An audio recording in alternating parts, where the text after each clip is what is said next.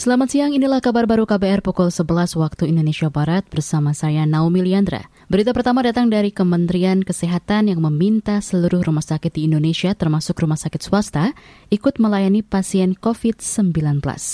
Diharapkan 40 persen dari kapasitas ruang inap bisa dialihkan sebagai ruang isolasi untuk pasien COVID-19. Dirjen Pelayanan Kesehatan Kementerian Kesehatan Abdul Kadir mengatakan, Hingga kini sudah ada 1.600 lebih rumah sakit se-Indonesia yang memberikan pelayanan untuk pasien COVID-19. Jumlah total ketersediaan tempat tidur lebih dari 81 ribu unit. Saat ini, jumlah keterisian tempat tidurnya sudah terisi 51 ribu pasien atau 63 persen.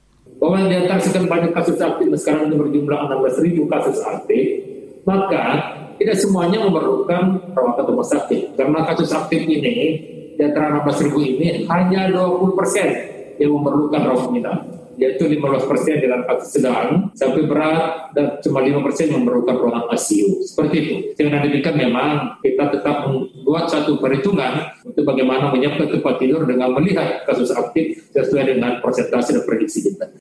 Dirjen Pelayanan Kesehatan Kementerian Kesehatan Abdul Kadir menambahkan, seluruh rumah sakit di zona merah juga sudah diminta menambah atau mengonversi 25 persen ruang ICU yang tersedia untuk penanganan COVID-19. Sementara rumah sakit di zona kuning diminta menambah atau mengkonversi 30 persen ruang isolasi dan 20 persen ruang ICU untuk pelayanan COVID-19. Sedangkan rumah sakit di zona hijau diminta berjaga-jaga bila terjadi lonjakan kasus. Beralih ke informasi lain, Kementerian Pariwisata dan Ekonomi Kreatif menyusun sejumlah strategi untuk kembali menggairahkan sektor pariwisata dan ekonomi kreatif.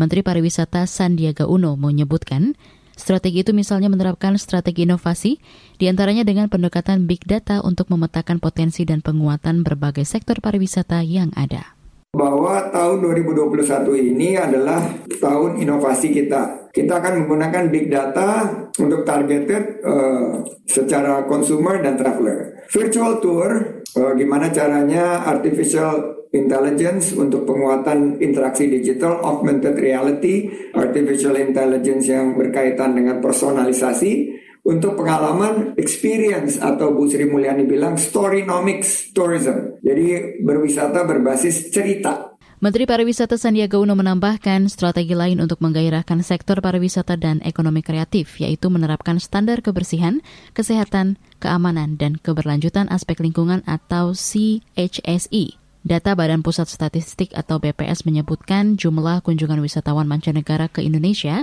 periode Januari hingga November tahun lalu kurang dari 4 juta kunjungan.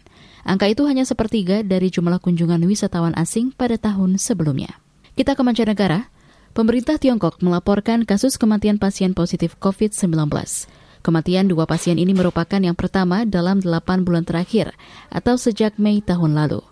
Pasien yang meninggal berusia 87 tahun, terinfeksi COVID-19 dan memiliki sejumlah penyakit bawaan atau komorbid.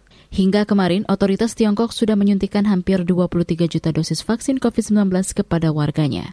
Kapasitas vaksinasi per hari akan terus ditingkatkan untuk mencegah lonjakan kasus COVID-19 saat libur tahun baru Imlek pada Februari nanti.